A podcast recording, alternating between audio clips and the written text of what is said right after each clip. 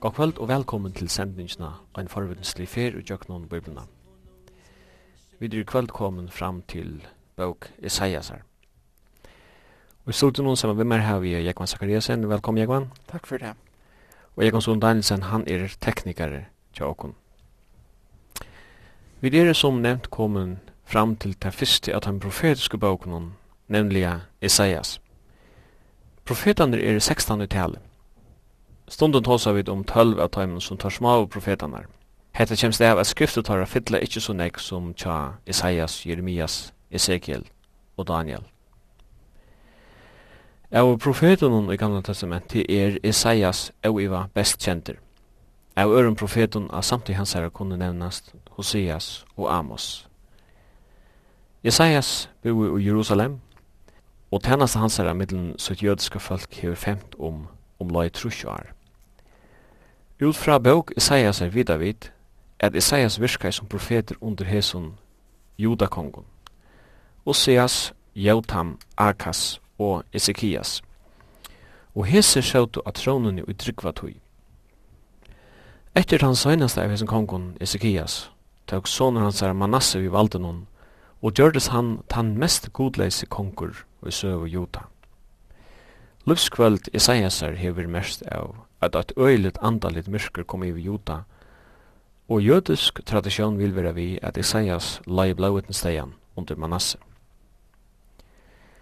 Isaias opplevde til avhunalige borgarkrutje mellom til norrara og Israels rujtje og til sunnara judarujtje, og han opplevde somleis til avhunalige utrotan av norrara rujtjen som assyrara framtu i Arnon 622 4 Kristus og eina tog sa det ut til at sånnere rujt juda for å få som lakne. Men Isaias profetera i bønt i møte tog, og i annars sa så sannlukt ut. Og Isaias sier at Gud skulle slå et sterska Assyria, og ikkje skulle mekna at gjera Jerusalem ein, og så vær. Angel Harrans drep ein natt 145.000 mans, og i heri Assyringa, og resten nøddist av enda heimater.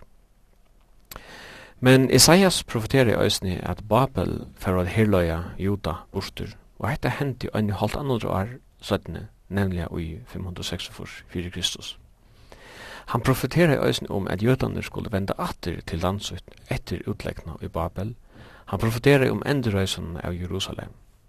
Øysni profeterer han om koma messiasar og hese året gingi ut, som kunnot enn i 600 år etter deia Isaiasar.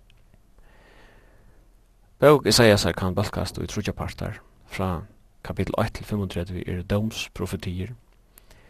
Fyrst er det i Juda og Jerusalem, søyan er det tjauina rundan om, og så er allir heimeren. Kapitlene fra 36 til 39 er søvelige tilborer under kongenon Ezekias og mittel anna assyriske hersetningsna av Jerusalem. Hetta er omtala i konga og krønikabøkene. Fra kapittel fjörete til 66 er det fyrst og fremst trøstar og friar profetier, og heita høska vel til tøtningin av navnun Isaias som merker Herren er frelsa. At Isaias hei avskan av sina samtøy vidavid, men Isaias hever haft ein avvanliga stor avskan, men Isaias hever haft ein avvanliga stor avskan av sina ettertøy, og han talar i det som ångane fyr. Her hoksi er særlig om ørgrinni av messianskun profetien, som vi sutja i skriften Isaias her. De grøyaste profetårene om Kristus fra Gamla Testamentet finna vi tja Isaias. Profeteren tåsar bei om føying hans her, om virkje hans her, om folksins lugasel og vantrykk mot Kristus, om vanvirislige dei hans her, her folk Israels, og Isaias trujaltrus jottar sitt ståra mistak. Men eisen tåsar han om kommande tekn og veldig Kristusar, ta han kjemur atter vi matti og miglardord, ta hver tunga og heimen skal jotta, og hver knæ skal vadja seg fyrir tegna hansara. Esaias vi er til stundun røptur evangelistrin mellom profetanar, etla heit femta evangeli. Det er tog ikkje torførst a skilja kvui Esaias er mest sitera i profeteren og nødja testament. Jesus sjálfur vusti ikkje bært tilskrifter Esaiasar, men Jesus nevndi eisen Esaias vi navnet. Og Johannes her evangelium kapittel 12 og ørende 23 kunne vi lesa.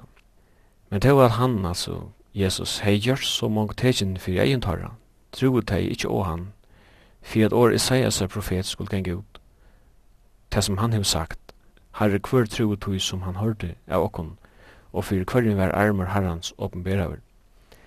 Tui kunde det ikkje trykva, tui Isaias sigur oppadde sagt, han er blinda eie tarra og gjør hjertet tarra harsht, Så det skulle ikkje sutja vi egnon og skilja vi hjertan og venda vi, så eg kunde grøtt deg.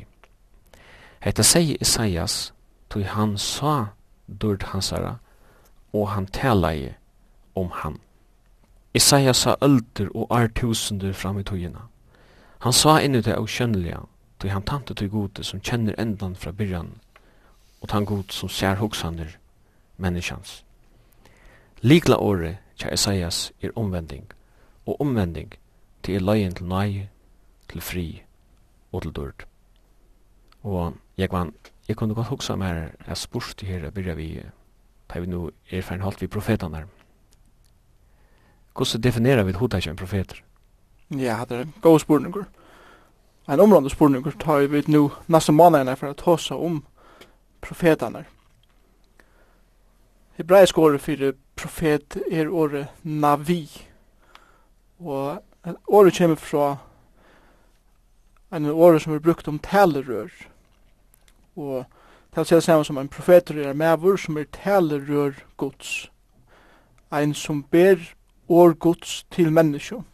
Ein som talar til som Herren åpenberar fyrir honom, som han så skal tega vujere til høyrarar søgnar, eller til tarra som han skrivar til. Nå, nega som vi får sutja tjøkken alle profetane er nokkur særlig etkjenne, som, som etkjenne teir. Eitt etkjenne er til at teir brenna fyrir sækjenne. Og det er angjendare som ikkje brenner fyrir tog som eh, god gjør dem å sige. Og teir råpa til fölkju i herrens navne, og teir råpa av en slugan hatt hver fölkju veri skåre helt innan hjarta. Så det gjør det til at profeter var ikkje populærer i sinne tøy, i sinne samtøy. Men det var mengan kritiseraer, og det var eh, punter, og det var tortureraer og kjolt drypner fyrir den båskap som god hei givet dem, som var så eh, utpeikande av sind ut i samtøy som der levde ui, så der, der var brennande, ta der minna av eh, hvordan god hever hjelp falskene forstøy, kvui eh, stendur så til som det gjer såleis i nøytøy eh, er at folk er fått fra og tar hitja eisne i framtøyna og, og minna av at domer gods kommer i sind og så videre. Et annet som jeg kjenner profetene er til at her suttja under iverflatene. Og det kan, det kan det være at profetene levde og gjerne tog hver det så ut til å være rykt materiellt, det så ut til å genga godt, og så videre, men under ötlen tog, så ut her råtenskapen, er ötlen som verilig tjekk fyrelse. Råtenskaper kommer sjån til kjøntar, av nekvan hatt, og er kanskje innpakka eisne av nekvan imskan hatt men profetarnir sjó under det. Ta sjó mannamonen som var gjørtur í millum klassanar. Ta sjó ta, ta elguta diskan sum bæði eh, konkurren og eisini ta religiøse leiarnar og eisne fólki var ferdig du í det ventur frá gode og profeteren predikar í mótu tøy. Han predikar í måte hætre og í måte klantre og øren sum er að finna og í fólkinum. Og Båskapen er tvifaltor som han ber. Profeteren profeterar dom Guds fire synd og frafall. God Gud kommer til profeten og sier, ber hesi bo og hesi år til falskje. At avtøyet er ferna lei, så skal jeg døma deg. Og til avverst fyrir at gjerne brygg for atur, atlan vegin til 5. Mosebok, som vi tåsa om for nokre måneder siden, at ta og i Israel gjør det seg til reier affære inn i landet. Ta seg god vi Moses i kapittel 28 at om fylgje fylgje meg etter, fylgje lovmunnen, så skal jeg signa deg, og jeg skal signa deg i ødelen områden i livet. Men om de venter meg bætje, om de venter lovmunnen mine bætje, så skulle de være under vreie mine. Jeg skal vreka deg, og de skulle være dømt for sin syna og søvelige, atlan vegin, bægjøkken Josfa-bók, domarnar, og atlan søvelige bøknar, og atlan vegin eh, til profetaner, suttja vid, at her endur teka seg atra atra Ta i fölkje, fylgje gode, vera det siknaje, ta i det venda seg fra honom, ta kjem domur gods ive deg. Så hetta er båskaperen, tja profeten, han var alls ikkje eh, populærer av sunne tui. Men, oi hesum båskapen om dom, finnst eisne en båskaper om um, vogn og om fri fyrir framman. Og, og her, her viser det at sjalt om god um, skal døma falskjum som er disiplin av falskjum, så hever god eisen en atlan. Og det er en dårdar atlan som han enda skal sikna sitt folk vi, de som fylgja hånden etter. At annars som er, er, som er områdande, jeg skilja vi til profeten, er det at tar stand ikkje skriva i kronologist og i Bibelen. Og nekve profetar tanto av som tog, flere av dem tanto i norra rysnum, og flere av dem tanto i sunna rysnum. Og til, til området her at få kronologien på plass, tog at vi tar langt tåse om kongabøkene og om krønøkbøkene, Og profetene levde av samme tøyen som de her bøkene var skrivet her. Det er eh, den tøyen som var, som var beskrivet for dere her. Så vi tar, det var om kongene og om eh, kongene i norra rydgen og sunna rydgen og strui her i middelen. Profetene var midt i ødlom eh, rydgen her og tar profetera av årgods og i tøy tøyene. Og eisne området jeg vet at, at nekre profetar predika av åren utleggna, bæg utleggna kjøtt i norra rujtjen og i 22, og eisen kjøtt i sunnara rujtjen, det er judarrujtjen og i 546. Så er det nekre profeter som profeterer og i tøyene tar det er i utleggt, de halvfjerds årene, som det dømes Jeremias, han skriver sorgarsønnsjta, Ezekiel, han var nok tidsen i utleggsene, og Daniel profeter, Men så er det profeter som eisen profeterer atan av folk som atter ur utleggt. Som vi eisen tåsa om, tar vi tåsa om bei Esra og Nehemias bok. Og ta våre profeter at herra døvun eisene. Så kronologien er, er områdande, tøyar linjan, ta profeterne levd om. Nå, Profeter er, er sjån en tænare gods. Han er han som ber bå gods til menneska. Hver en prester er han som ber eh, tørver menneskans framfor god. Og til imisk, imisk nøvn fire profeter og i gamle testamentet. Eh, Angstene er det kalla er menngods, eller mevorgods. Og hette hever vi kanskje vi bonaskap, eller vi karakteren av gjerra av hans profeten, at han etkjende profeten nekva tog som god hei avlagt honom a sia og kanskje hefur eisne vi kattle a gjerra mer gods gjer vers gods han var eisne kallar tænar gods til døms Daniel 95 og Ezekiel var eisne kallar så i 8. kapittel var 16 tænar gods og det hefur vi vi tæra gjerra at han er under hakre myndelaika, han er han som tænar gode En annan titel er bo Bere Gods, Isaiah steg fyrir nøytjan, tåsar om det, at han er sendebo, som god sender til fölkje. Det var eisen kallar suttjarer, Samuel til dømes, han, han var kallar suttjarer, og her, her tåsar det meir om kosse år gods kjemer til profeten, tog at det var sånn ekkur imsk matar at eh, høyra år gods på, og som god kom til profetanar. Onkur eh, fekk båskapet fra god utjøkken dreymar, onkur fekk det utjøkken sjåner, onkur hørte en rødt tala til sin, og onkur fikk det nyerskriva, eh, som til dømes Daniel, og han fikk bo om eta til året. Ezekiel var eisen kallar for en vaktar, en som heldur vakt iver Israel. Så, så her er imskjur titlar av profeten. Men i helst utan, en profetur er en mavur som god kallar at bera sutt år til eit folk som var falle fra honom. Det var en opopulær bådskapur, men ein alt områdande bådskapur som profeteren prædika i. Og han tar seg til sina samtøy, til sina omstøver, og så videre. Samtøyes, som du eisen sier, så spår han i framtøyna. Men tar vi ta så om profetiet det, så ser det vi ofta bære i samband med framtøyna. Ja, vet, til nekka som tar seg om hva for henta, eh, som ikkje er henta enn Men det er bare en parstra av tog som profeten sier. Det var, det ikke høves oppgaven som profeten. Men ui tøy som profeten sier, som det var langt vi visste av, her spåa jeg profeten om nekv som enn ikke var hent. Det er fra hans herra perspektiv. Og i det, fra akkurat perspektiv, er nekv hent av tøy som profeteren profeterer i. Det har vi rent søvliga, og det kunne søvliga prekva. Men vi har eisen profetier som enn, ikke enda akkurat døven er oppfyllt der. Og det hittar vi eisene fram til at ein dag skulle det her eisene være oppfyllt der.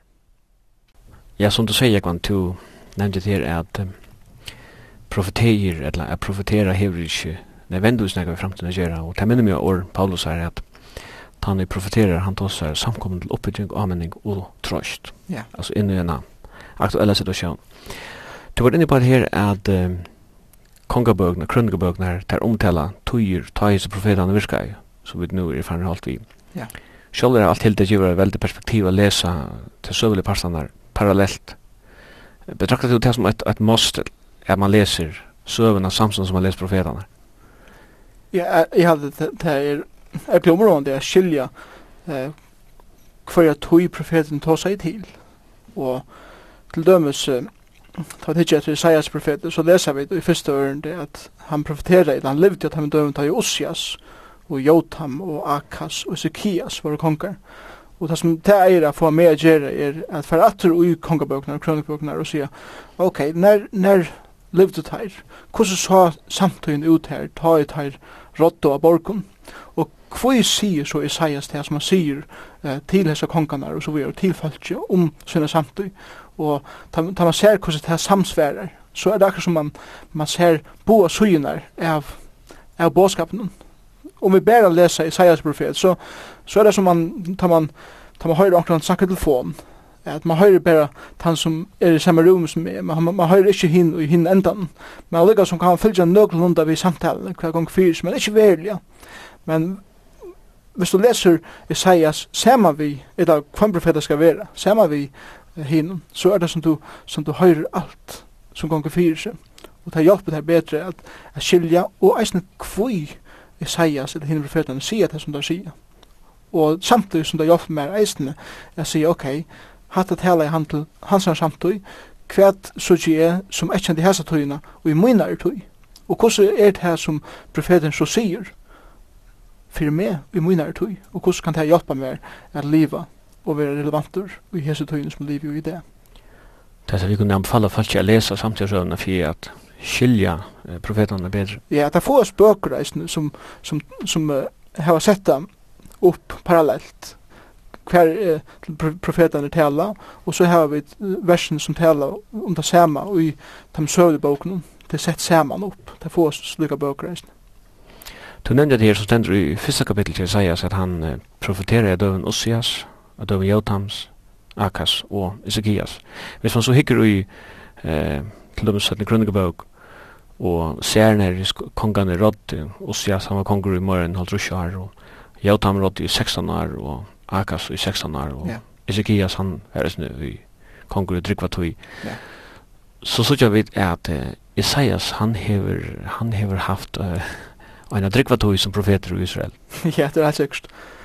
Han har haft en veldig eh, drikka tui. Onkur heldur at han, han profiterar fra omlai og er 640 til 600 og 5. Så, så det er leng, leng tui her. Og han, han, han lever nek langkri enn nek vir av ja, hinn kongen. Samtidig som vi skiljer til at, at uh, flere av kongen, altså ta, ta tui når det så du styrir, ta ivla på onkur kors anna og så er det så det virker så øyelig nek ved han rådde, eller han profiterer med fyra kongar rådde men, men han profiterer i nek nek var, ja. Den første kongen som vi nevnte i samband vi tæna sin seias til Ossias, og, og i uh, kapitel 6 og vers 8 sier her stender at her er Ossias konger døy, ta sa i herran, og så bjøs man ikke også lengt vi at komme til den Israel, Isaias er veri ser unger da. Ja. Hva en tøytning man så sjån har haft for hans her sådana virke som man kommer ha som profeter. Ja, det er sikkert. Og generelt vil hildi at satt kapittel er kall Isaias her. Ta han var kallaver eh, verlig inn ut hennasna som profeter gods. Og til han sier det kong, til Ari og Ushas konger døye, så minnes det til at tøyar okken til Kjøtheimon er ikke den samme som, som vi tar i det. Isaias kunne ikke sige at jeg er Isaias, og jeg levde, eller profeterer fra omlai 24 til 605 fyrir krist, tog at til en tøyerokning som vi eh, har sett av han nu 18 Men uh, tar rokna den nemlig ut ui sånn stor hendingun ui uh, tjóene. Og ta ari ui Ussias kongur døy, Som veldig kongur som, som hokslikna leier landsens knappja døyr. Alt ser fullkomlig mist ut. Og han sier, jeg minnes ta ari, ta han døy, ta i vi var allar laks som nasjon ta åpenbæra herren som fyrir meg ta jeg var lagst, og han lytte meg opp, og han kalla meg inn i tjenestene. Så hette var, hette, hette var et, et år som, som jeg sier, ongan hei glemt at du løyv, ta år, ta i god kalla meg. Og, og som du sier, Ossias, han døy bant ta i, eh, Isaias var kallaver inn i tænasna, og så fer han under at profetera. Og til en med mittel biblærar, hva så vi kapitel 1-5, hver det så profetera 18 av kapitel 6 og så videre. Og til, til jeg synes ringt å si tog at alt er ikke beinleis kronologisk. Ta i byte Isaias er bok opp, så bøyde han er vanlig i trutjar parstar. Den første parstaren er fra kapitel 1 til 35, hver eh, Isaiah særlig profeterar om dom. Domar som skulle komme i vår fyrir fyrsta Judea og Jerusalem, som han talar nekve om fra kapittel 1 til 12. Thomas sier er kapittel 2, 11 og 12 er undantøk om dom til at her tåsa om veldiga eh, durdar framtøy. Så det er undantøk, men generelt. Så er det en, en søvelig eh, et, et søvelig innskåd, kan man godt kalla det, hver nega gonger fyrir seg fra kapittel 36 til 39 Og det, er, er det at Gud bjergar Israel fra eh, Fudjindanen. Og eisen til at Hesekias, kongeren ikke sjukur, men at liv hans er veldig langt. Og, og her har vi den paralleller som det beinleis, vita søvelig bøkene. Men så da vi kommer inn i 14. kapittel, og alle veien ut til 26. kapittel, så profeterer eh, Esaias særlig om vogn og trøst for framtøyna. Og han tar seg til om fra, fra kapitel 4 til 48 at landet skal være endreist. Han tar seg eisen om at frelsa skal komme i landet og følge fra kapitel 24 til 26 Og så tar han fra kapitel 8 til 6 om det framtida rydje, det dyrda rydje som Messias skal grunta. Men av samme hatt så er det ui hissen her kapitlen, eisen i negra kapitler, som tåsa om dom så, så generelt allikevel tåsar han om vogn og eisne om, om trøst. Så, så spøyti Isaias upp og, og ta byrjar ta ar ta i Ossias kongur døy. Jeg kan tilra ikke alt som trygg at Bibelen er innblåst av god, og at hun er inspirera. Men det får noen problem til å komme til Isaias bok, tog at han profeterer om tilbord som fer fram, for eksempel at Babylonska rujtju skal uh, herstega juta for at utleggt. Hva sier du til det? Det er det som du sier, at kritikere har nekva peika som ser ut til at eh, ikke samsværa. Og det er ikke bare i seg bok, vi har det samme, vi tar med fem Moseboken, vi har det samme vi Daniel profeti og øren boken. Men, men som du sier, sier her, men så, så er det eh, den, den samme Isaias som skriver og som profeterer. Og kritikar sier at men det kan ikke være den samme Isaias som, som skriver om at det er forskjellig. At det må kanskje være tveir imager Isaias her, eller kanskje trutcher, eller er fullkommen for i hundra år at nå har sett okkurs inn fyri at for jeg viser at, at, at det var bare en skriver og så videre. Men som du sier, Isaias, han skriver om profetierna lengt åren, vi viser Babel, Rydtje, det kom i utleggt, Esaias nevner eisne Kyros, kong vi navne, at uh, det var han som sendte folket heimater ur utleggt. Ta vi vid uh, lese Esaias bok, så er det som som sier at det kan ikke være samme Isaias som skriver kapittel 1 til 39 og så 4 til 36, tog jeg at det er fullkomne kursen bådskaper. Men det er akkurat det som det er. Det er uh, en heldar bådskaper, kunnskjer om dom, men eisen kunnskjer om vogn. Og ta vi høyt etter åra vele, høyt etter stile av skriv i hotti og så videre, så sykje vi at det samsvarer alt korsene. Og et annet er det at ta i deihavsrudlunar var funnar i, i og i Israel. Ta var Isaias bok eisen funnen.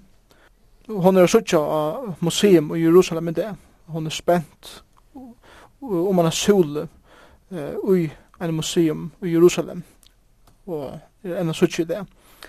Her er ikke glopp i middelen, eh, sista verset i kapitel 39 og fyrsta verset i kapitel 4, til alt ein samanhengande bådskaper. Jesus, eh, han peikar eisen av Isaias som skrivaren av Isaias bok. Og Jesus siterar begge ur til fyrre heltene av Isaias, så vel som til settene. Og tog sa Jesus at her eisene som en, en heldar bok.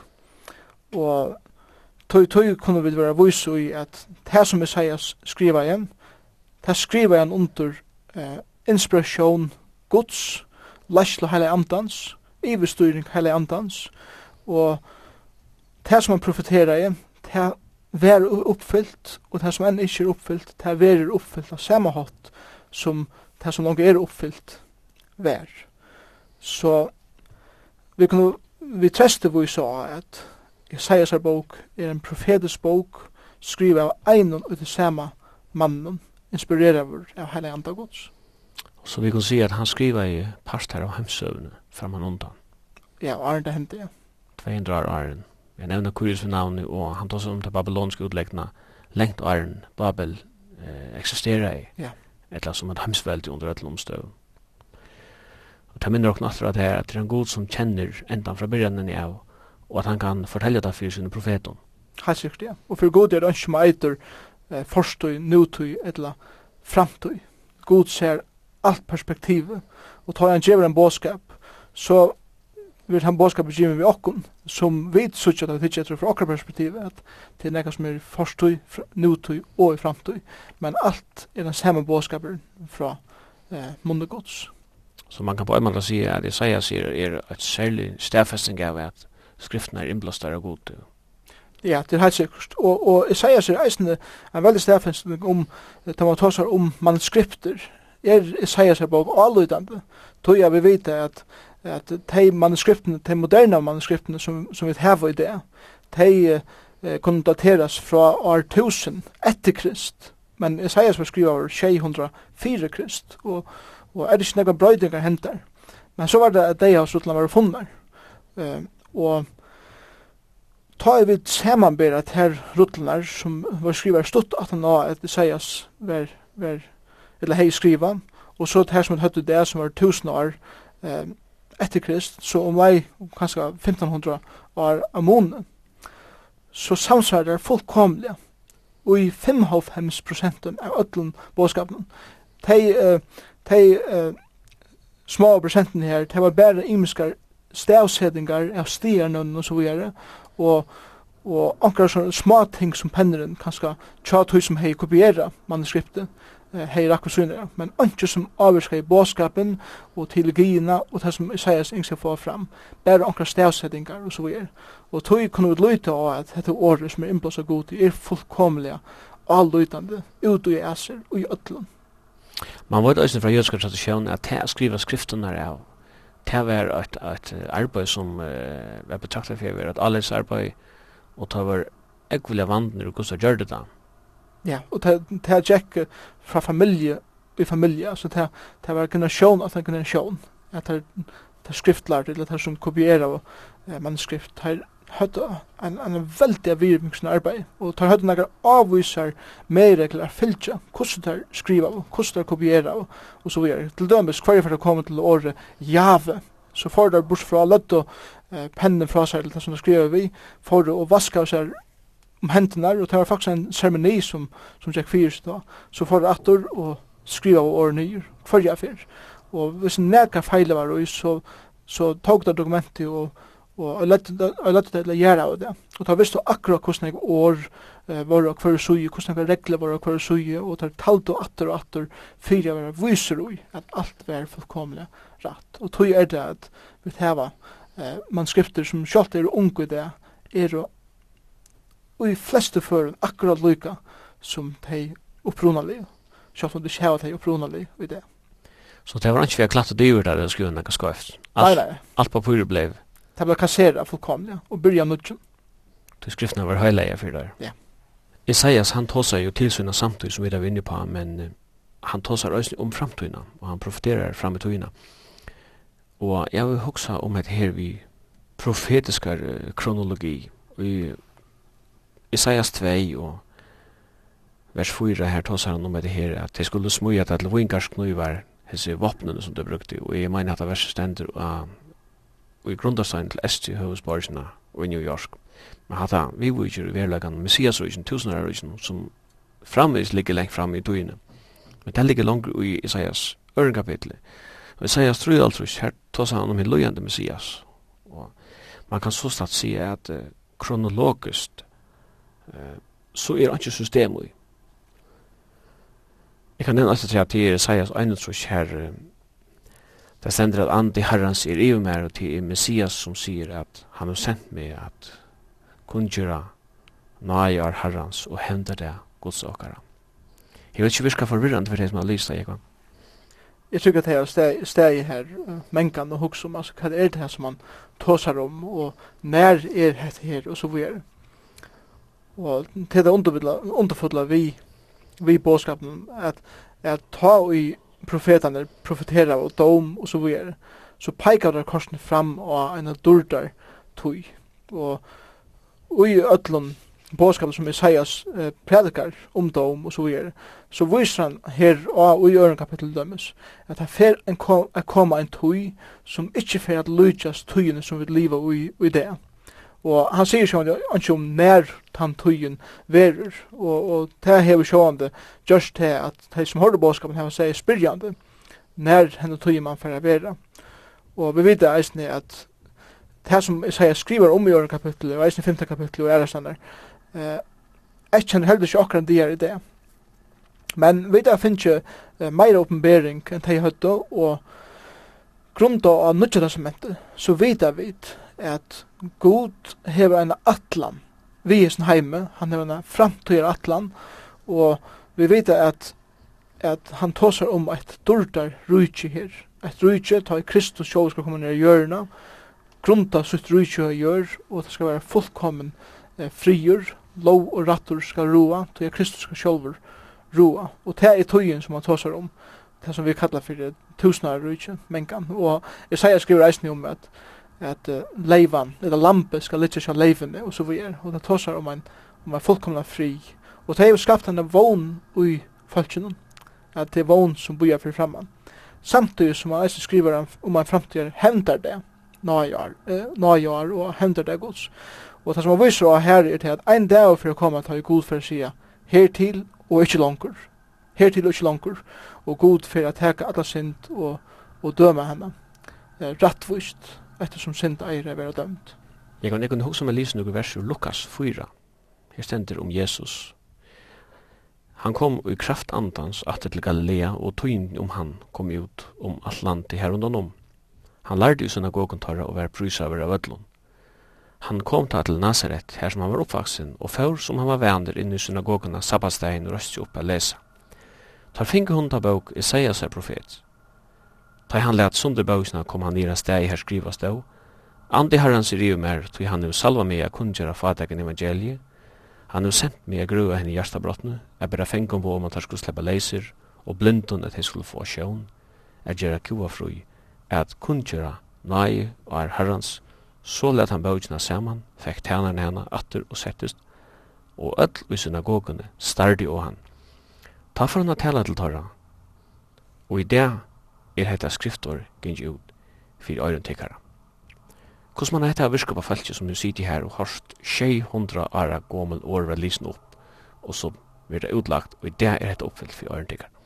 Ja, vi kunne slett forstille okkom, hva for avvarskan det har haft, tror jeg hette, det som Jesus sier her er så utroligt, og det som han sier faktisk, at det som Isaias tåsar om, og han som Isaias profeterer om her, og i Isaias egen trus, er jeg. og han kommer til sin heimbygd og sier, jeg er den lovande Messias, han som profeterer hever veri om. Og, og det er ikke underfullt her til han sier, og kunnskjer han nøyar herre, så det er atter. Og han sier ikke som Isaias, han sier at, og hentar det er gods. Og tog at han sier at, at oppgaven som Messias, som er, er nu er kunnkjera nøyar herrans. Så stekker han midt i en setning? Mitt i en setning, så stekker han. Tøy at han ønsker at vysa at det som er kommet til fyrst er at, som han sier her bænt, at grua henne hjertabrottene, at bare fengen på om at her slipper leiser, blinden at her slipper få sjån, at gjøre kua fri, og at kunnkjera nøyar Og vi leser Johannes 1.14, at året tok holdt og bostad i midten, eller tok holdt av seg og tok bostad i midten okkara, og han var fotler av nøye, sender, og samleika. Det minner meg som Johannes tro i her, det stender at ikkje sender god sånn som i heimen for han skulle døme heimen, men for at frelse heimen. Så det ligger nær snakka sterk symbol så det er Jesus eh leder baugen atter. Men eh, sånn er helt, jeg var så sett ikke noen. Hun stender enn her. Ja. Yeah. Og vi må Øysen gikk ut fra at Øysen rent profetis, så vil han da bøys innenfor leten sundrater, og resten vil lise opp. Det er en helt sikkert, ja. Og, og Jesus Kristus vil han samme, den samme som boar nøyar herrans, den samme som i det bor frelse, vil den samme som Øysen skal einde døma hvert menneske eh, som ikke hever fyllt hånden etter. Så vi kan se at det er mitt og ene setning i kronologien er her 2000 år om måned, og så er mittelen oppfettlingene av til fyrre helten og søttene helten. Akkurat, det er det. Jeg var en øyt som vi pleier å spyrja til det her hver sutja vid Kristus, og det er ganske kjurint at oss om det er fra Isaias. Nei. De messianske profetiene, de er negvital. Ja, utrolig negv, og til eisen tog at Isaias vil kalla illa kalla til det femte evangelium, tog at han, han bor glede i bådskapen. Ofta når man leser Isaias, så, bok, så heldur man, man, man er i nødgjønsementet og høyrer Jesus tala sjálvan, til at han bor så trulig om Jesus Kristus. Lykka fra byrjan av boken leser vi om profetier som, eh, som etkjenner Herren Jesus, til dem som kjente kapittel vers 14, her leser vi om, om føying Jesus her. Du skal herren og sjåver jo til kun tekin, modj skal være baden og eier son, og hon gjever hon navnet Emanuel, og som er god vi okkom. Og rent profetist, så talar det her om føying Jesus her, og om til at han ble føtter, og ta i han kom, ta vær til god vi okkom. Til at Jesus vær føtter i heim, gjør det til at god kom fra himmelen, nye til gjerrer, at, at identifisere seg vi menneskene fullkomlige. Så det er en utrolig stor profeti. En annen er i kapittel 9, vers 6. Her leser vi at Tøy baden er født, sånner i givet noen. Og økst hans er skal herraveldet kvila. Han eitir og rådgjøve, veldyr god, evig feir, frier høvdingi, størst vir herradømme, endaleise frieren, hasade Davids, og så vi er. Og hette talar sjån det eisni om Jesus Kristus. Baden skal være født, født okkom. Det talar om, om eh, Jesus som menneske. At han, er, han var baden som var født i Bethlehem. Sonor i given okkom det tåsar om goddomleika eh, Jesus er. At tog så elskar i god heimer at det gav sånsyn hinn einbarna for hvort han tror han skal ikkje fortapast, men hava evet liv. Så at det tåsar om, om eh, Jesus Kristus som menneska og som god. Men så sender eisen at økst hans, økst hans skulle herra veldig kvila, tåsar om framtiden her eisen at Jesus er han som hever sørste året å sige. Men så var han lyster, Og han var kallar underfotler rådgjeve.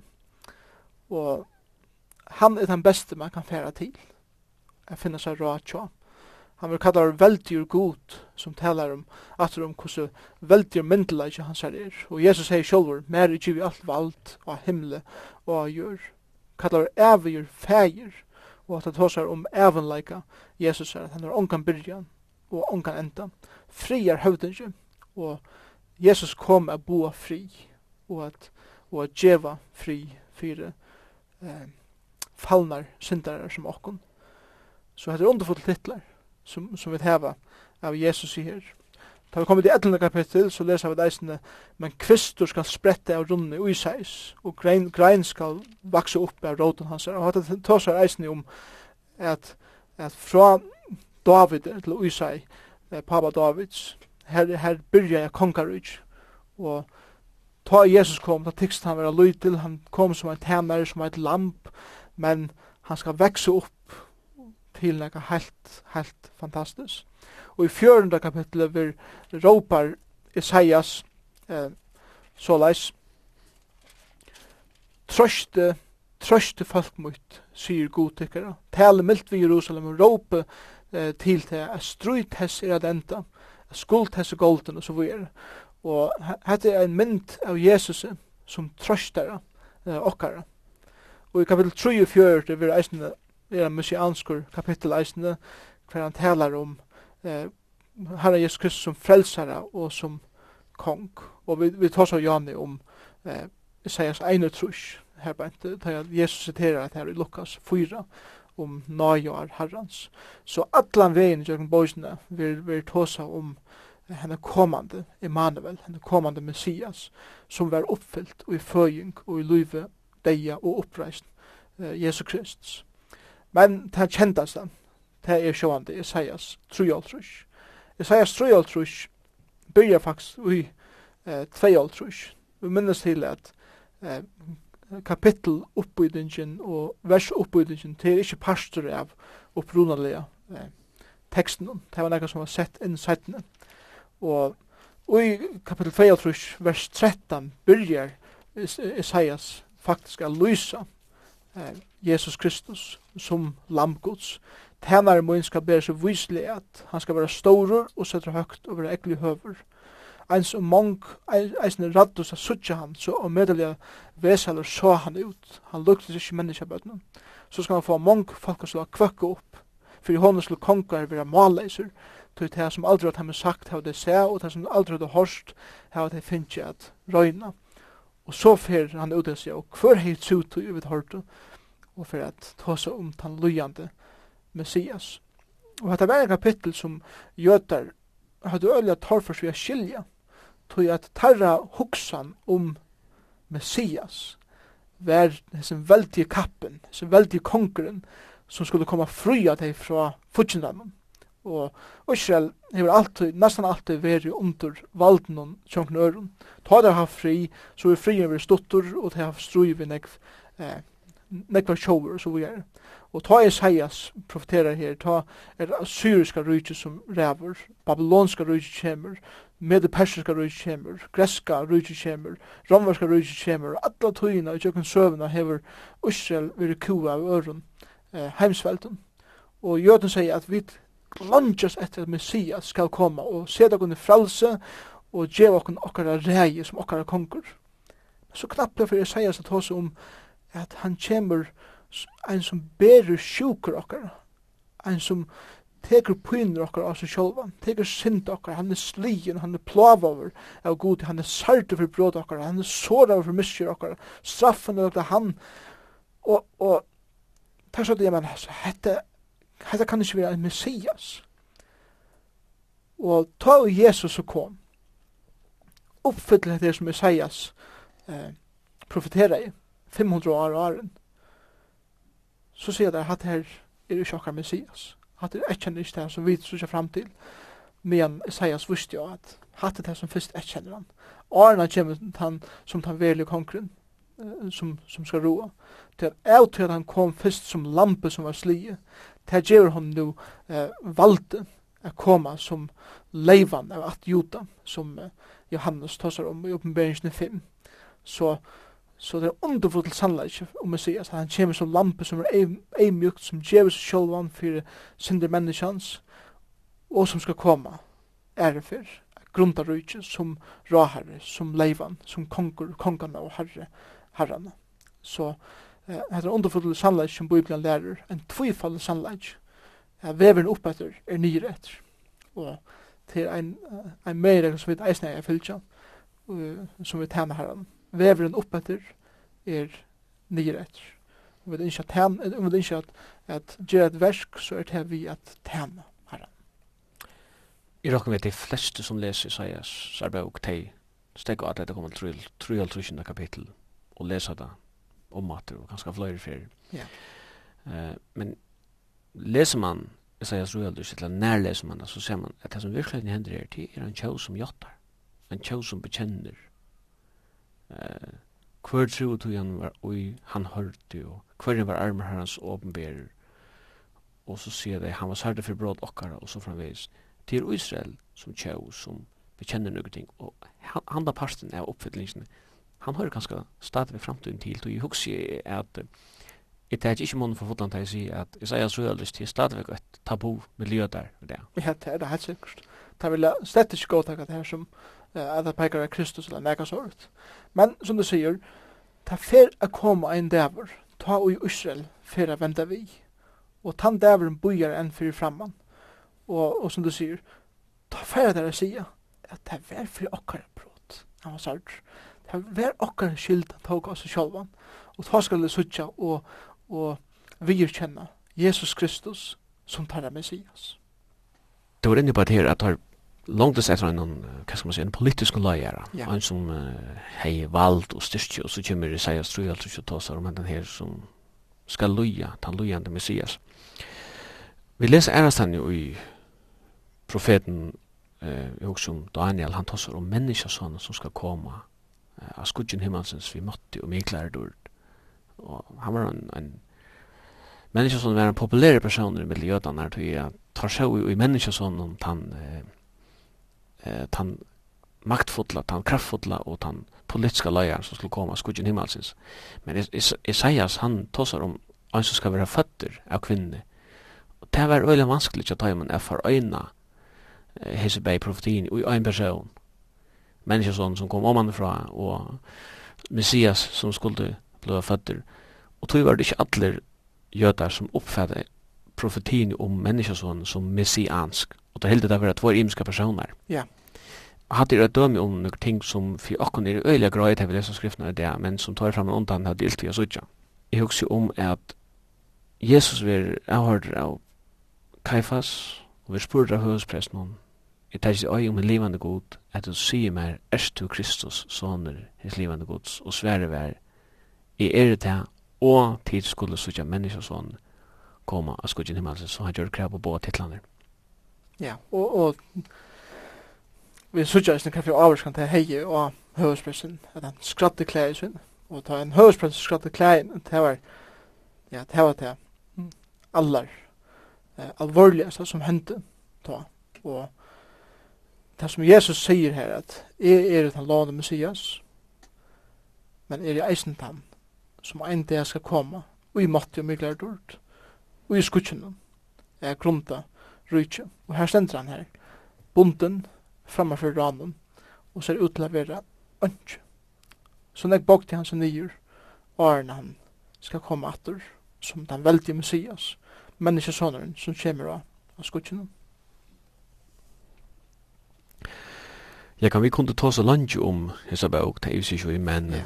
tøyen hon renner oss fra åkken, og jeg kan bare huske meg og spurt helt til aller sørst, hev du nega, eller ikke seg at? ja, det er helt sikkert. Vi kan godt ta oss av lunch. Men jeg husker bare at eh, to som tveir sannleik, sannleik. Jeg husker bare først to som til de som høyre herren til, som har innskjøy at være brukt av honom. Og si at les særlig en kapittel, og det er satte kapittel. Vi da sitera det, ta, ta ari uskjøs kongur døye, så er herren så i Herren.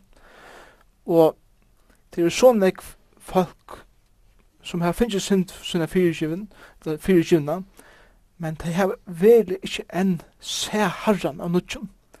Og det var ikkje fyrir Isaias sa Herren, han sa heilalega gods, at han veli ble brukter ut hennasne.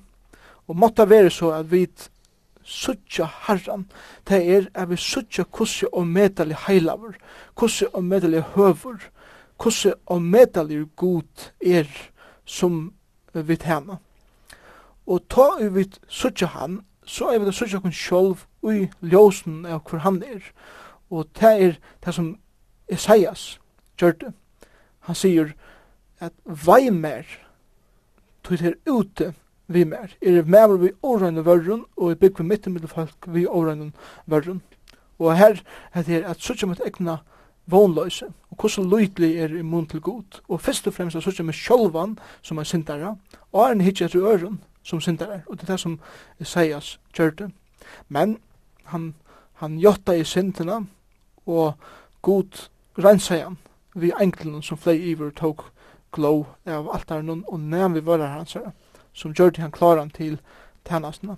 Og god spyr så, hver vil færa fire med? Og ikke finne seg at jeg ser heilalega gods. Ikke finne jeg se hos lydel han var. Ikke finne han hei jotta sinne synd og var rensavur. Vær han klara sia, her er jeg send meg. Og ta ta han var sendur inn i tennastene. Og jeg tykker han var eh, gjør det klarer her til at færa tala år gods. Men god sier vi han, fær og sier vi hette folk, høyr, eller høyre og høyre, men fæti ikkje, suttje og suttje, men skilje ikkje, gjer hjarta harstu i som folkje, gjer øyrt herra dold og eit herra blind, så det suttje ikkje vi egin og høyre ikkje vi øyrnum, og skilje ikkje vi hjartan, og vende ikkje vi og, og vera grøtt, vende ikkje vi og vera grøtt. Og vit i okkara eh, vesturlandska hoksnarhotte sier øyelig ofta hvordan kan vi være effektiv for god, hvordan kan vi få sånn nekbors ur som øyelig ut som vi gjør og så videre. Og vi dømer okkara tjena seg fyrir herran etter hvordan nek vi gjør fyrir herran så gjør. Men i heldig at hendet hans kapittel lærer om helt nek anna. God sier fær.